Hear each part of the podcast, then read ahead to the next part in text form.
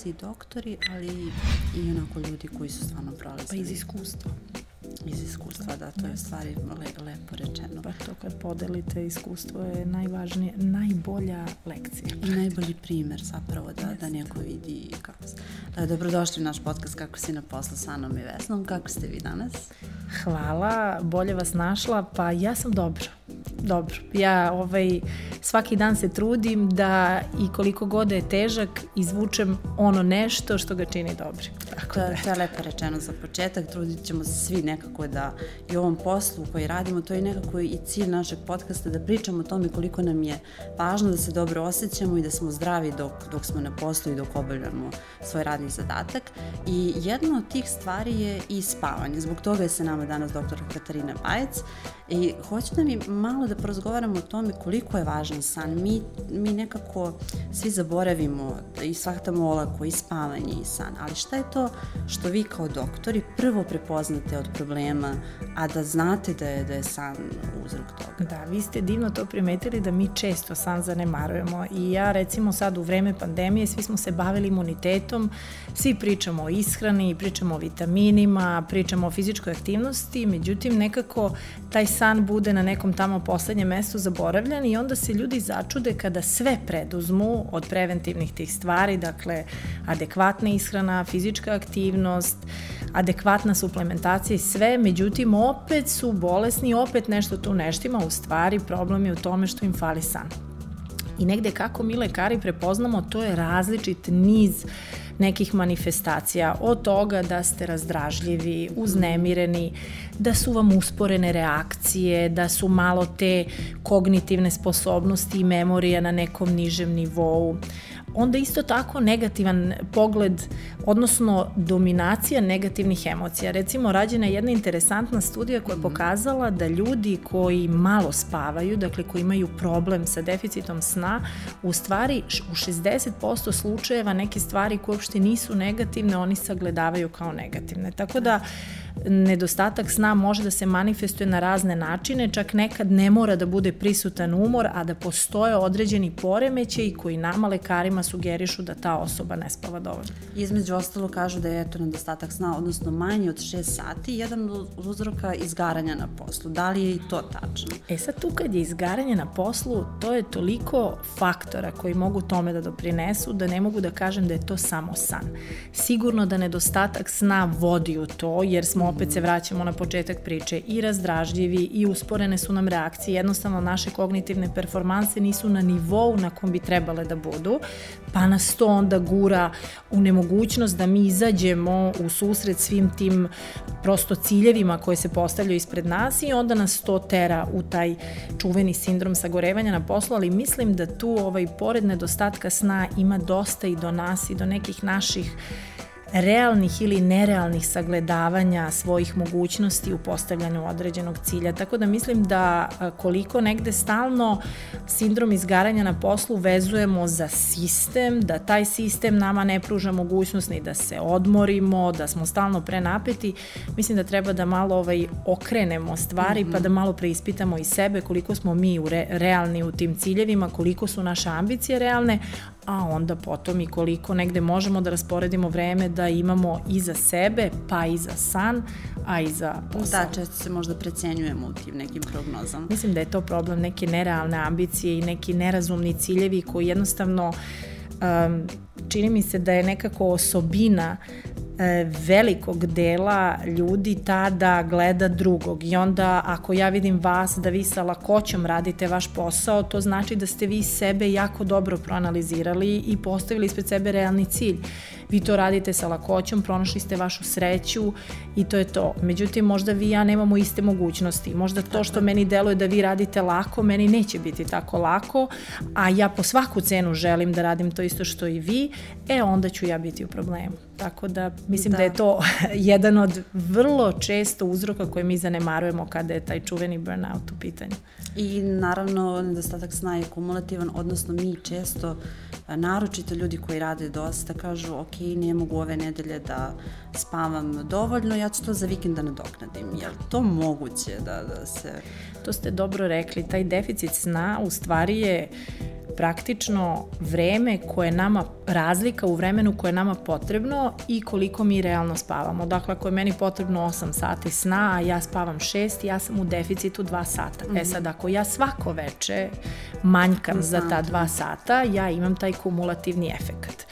I sreća jeste da može da se to nadoknadi, Ali, kada to kažem, tu imam jedno veliko ali. Zašto? Mm -hmm. Zato što, recimo, uh, rađena su ispitivanja, da onaj ko ima deficit samo od jednog sata, potrebno mu je četiri dana da prosto sve ono što iskače iz balansa na neki način vrati u taj balans. A da bi u potpunosti eliminisao taj deficit sna, znači da bi došao do nule, da krene opet iz početka taj kumulativni efekt, trebalo bi mu 9 dana.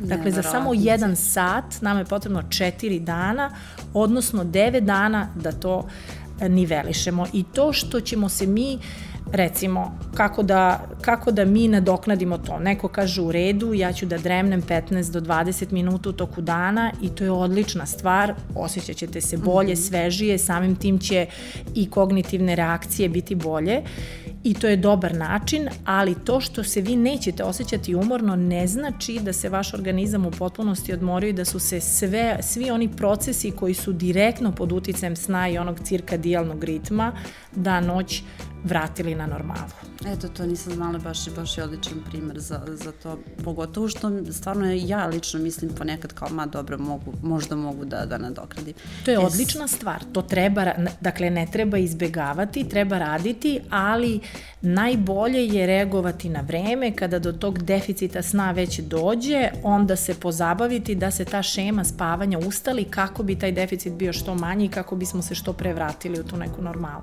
E sada, koliko je dovoljno stvarno da spavamo? Ja sam isto gledala neka istraživanja, pa su čak i podeljena mišljenja stručnjaka, kažu, ne znam, ljudi, bebe mogu da spavaju, liko ljudi u, re, u produktivnom periodu ili odnosno kada su na poslu od 7 do 8 sati. Mislim, da li tu ima pravila? Da li, da li je da. treba pratiti neke...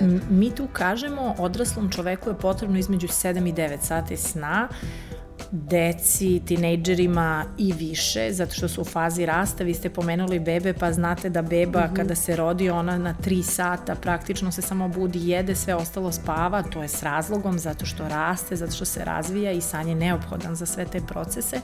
Ali da bismo rekli koliko nekome zaista treba sati sna, to je malo i genetski determinisano, dakle Aha, malo individualno. I postoji jedan gen koji negde utiče na to koliko je vama potrebno sna i koliko meni. I recimo osobe koje imaju određeni genotipski zapis, hajde da kažemo neku mutaciju, ali kad kažemo mutaciju ne mislimo na nešto loše i abnormalno, nego prosto postoji jedan genotip i drugi genotip. Ljudi koji imaju taj jedan, jednu vrstu genotipa, njima recimo može da bude dovoljno 5 do 6 sati sna. I vi imate masu ljudi koji kažu ja ceo život spavam toliko, osjećam se, umor, osjećam se odmorno, sve performanse su mi na nivou i ja tako funkcionišem imate nekog drugog ko nema taj genotipski zapis, nego malo drugačiji i njemu je potrebno malo više sati sna. Tako da je to negde individualna stvar, ali ja mislim da svi mi i te kako znamo po koliko, nama samima da. koliko nama fali sna i da li smo dovoljno spavali. Pa to je ono kada se probudimo i vidimo da li Jeste, smo umorni. ali nije samo ni taj broj sati ključan, ključno i kakav je taj san. Da li ste vi brzo usnuli ili niste, da li ste se tokom noći budili. Često ja znam, verujem da se to i vama desilo i meni se desi svakom od nas da nekad spavate, ali imate osjećaj kao da ste budni da. celo noć. Da, da, da. Kao da je to toliko jedan plitak san da vi ustajete kao da niste celo noć spavali. Naravno kada promenimo krevet, uslovno rečeno, ako odputujemo, yes. ako ovaj, smo na nekom yes. radnom zadatku. Yes. E sada, na šta sve utiče nedostatak sna? Koliko je on važan za naše zdravlje? Ja, na primjer, imam uh, i svoj primer kada sam sam umorna ili kada nisam dovoljno naspavana, šminkerka mi čak kaže, ja danas ne mogu ovu šminku da ti pokrijem Drugačija ti koža. na primer. E sad, na šta stvarno se utiče? Imamo isto onaj primer da kažu da je čovek koji nije dovoljno naspavan u saobraćaju opasan kao i čovek koji je Kako pod da utjecajem alkohola.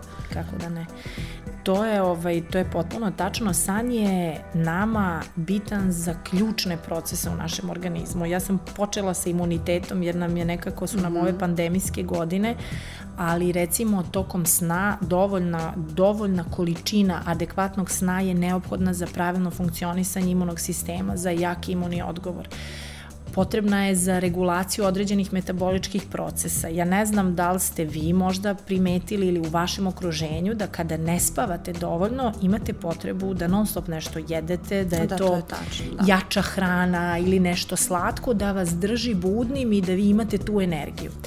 A recimo, u stvari, naš organizam je jedna savršena celina i sve je tačno uređeno tako kako treba. I postoje dva hormona, leptin i grelin, koji slede određenu šemu sekrecije tokom dana i tokom noći. I ukoliko mi uskratimo tu noć i taj san, mi ćemo dovesti do toga da jedan od njih bude u višku, da nama samim tim bude veći apetit i da čak imamo i problem sa viškom kilograma kao posledica manjka sna pa onda recimo insulinska rezistencija, mislim bolest modernog doba, svaka mhm. druga žena priča o insulinskoj rezistenciji i susreće se s njom. I opet i tu nam je prva asocijacija, aha, hrana, moram da izbacim slatko, moram da vodim računa o tome i tome, a u stvari mnogo više efekat igra fizička aktivnost, a isto tako dosta ima i u snu, odnosno kako će se lučiti insulin tokom noći, tokom sna. I ako uskratite taj san, šta će se desiti sa tim insulinom i poslično sa insulinskom rezistencijom. Tako da je zaista mnogo o mozgu i da ne mhm. pričam, svi znamo da kada je ma, malo sna, kada, smo, kada nismo dovoljno naspavani, nama su usporenije reakcije, nama je memorija lošija i vrlo često, ja se sećam i tokom studentskih dana, grabiš tu noć pred ispit da eto nešto još više da, uradiš da, da. i misliš eto odlično, sad se ti osjećaš sigurnije u glavi jer si prešao i tih pet stranica koje su ti još ostale, u stvari ne shvataš da si tim uskraćivanjem svog sna sebe lišio da sutradan ti budu mnogo bolje kognitivne performanse i da mnogo brže razmišljaš i iskoristiš ono znanje nego to što si ti prešao pet stranica više ili manje. Tako da san je nužan i vi ste rekli u saobraćaju i to je potpuno tačno. Ljudi recimo koji spavaju četiri dana za redom, pet, to je bila jedna interesantna studija, ja se nadam da ne grešim sa brojevima, četiri dana za mhm. redom su spavali 5 sati i manje i ponašali su se kao da u krvi imaju 0,06 promila alkohola. Dakle, da, da. Ali dakle, e sada kada govorim, mislim, mi smo, malo pre ste doktor rekli o tome da nekada krademo taj deo noći za, za neke stvari, ali postoje ljudi, naročito u Srbiji, koji rade po smenama. Šta oni da rade, kako se oni tu koliko je njima, kako oni da, da. probaju da, da usklade? Sa, sa ljudima koji rade smenske poslove apsolutno se osjećam jer ovaj, sada sam izašla iz dežurstava i dalje sam sa pacijentima, ali ne moram da budem u dežurstvima, ali jedan dobar deo moje mladosti obeležila su dežurstva na drugi dan gde ne znaš više kada pakuješ torbu za dežurstvo, a kada je raspakuješ I to jeste jedan od problema. Ljudi koji imaju smenski rad, oni ne biraju da ne mhm. spavaju, mm -hmm. oni jednostavno moraju da ne spavaju. Za njih važi ono pravilo što smo i pričali kako da nadoknade taj deficit sna. Dakle, jedna od stvari jeste ta popodnevna dremka. Uh, isto tako ima onaj fenomen vikendom ću da spavam malo da. duže, pa ću da nadoknadim sve to propušteno tu se još uvek vode različite polemike i različite studije su u toku koliko zaista taj višak sati sna tokom vikenda nadoknadi ono što smo propustili tokom nedelje, ali definitivno jeste jedan od načina da se bar naš organizam na neki način okrepi tim snom i to isto treba praktikovati. I ono što je možda ključno u redu dani kada ste vi u smeni morate tako, ali onda kada izađete iz smene i taj neki vremenski period kada ne menjate mm -hmm. uh, smene treba iskoristiti da poštujete tu šemu spavanja, dakle da idete uvek u isto vreme u krevet i čak da u tim danima pomerite taj odlazak na 15 do 30 minuta ranije postepeno, pa čak i 60 minuta ranije, kako biste vremenom kumulativno dali sebi veći broj sati i samim tim napravili Jasne plastično da kažemo neku vrstu rezerve. To je za one koji, koji rade po smenama da, da, im, da im damo neke savete, ali sada kada govorimo o nama uopšte, da li imate nekoliko konkretnih saveta kako mi da utičemo na naš san da bude bolji i produktivniji, odnosno da li možemo mi lično da poboljšamo? Pa evo, ja, ja mislim da možemo svi da pođemo od sebe. Jedna od stvari koju ja mislim da 90% nas radi, ja sam ovaj, to čak delila i, i sa svojim gledalcima, jer potpuno sam negde transparentna i ako očekujemo od drugih gostiju da kažu mm -hmm. o sebi iskreno neke stvari, onda moram prvo ja da budem iskrena.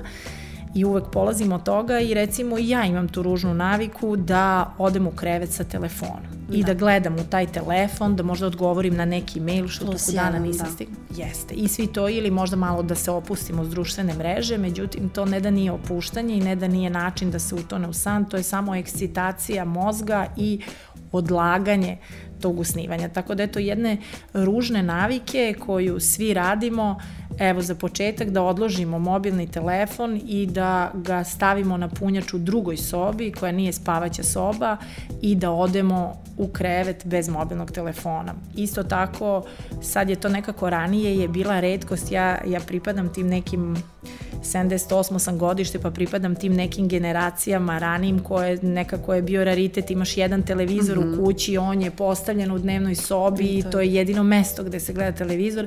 Sad je to nekako sve dostupno što je super što nam vreme omogućava ovaj, neke nove stvari, Standard, ali da. s druge strane i nije dobro jer masa nas ima u spavaćim sobama televizor, a tu postoji jedno staro pravilo, spavaću sobu treba koristiti za ljubav i za san, za sve ostalo ona nije prostor koji treba da se koristi, tako da eto i taj televizor nas dodatno ekscitira i u suštini svi mi treba da imamo neki naš to je uvek jedan od glavnih saveta svih asocijacija medicinskih u borbi sa poremećem spavanja, da imamo tu neku našu šemu. Dakle, mm -hmm. da znamo da sat vremena pred odlazak u san, negde sve aktivnosti onako spustimo jednu lestvicu niže, da taj telefon manje koristimo, da nekako imamo taj neki ritual, ako je to tuširanje pred odlazak u krevet, neka i to bude sat vremena ranije, da umirimo naš organizam i da odemo uh, na spavanje, ali zaista na spavanje, da zamračimo tu prostoriju, da se potrudimo da bude neka adekvatna temperatura u njoj, naravno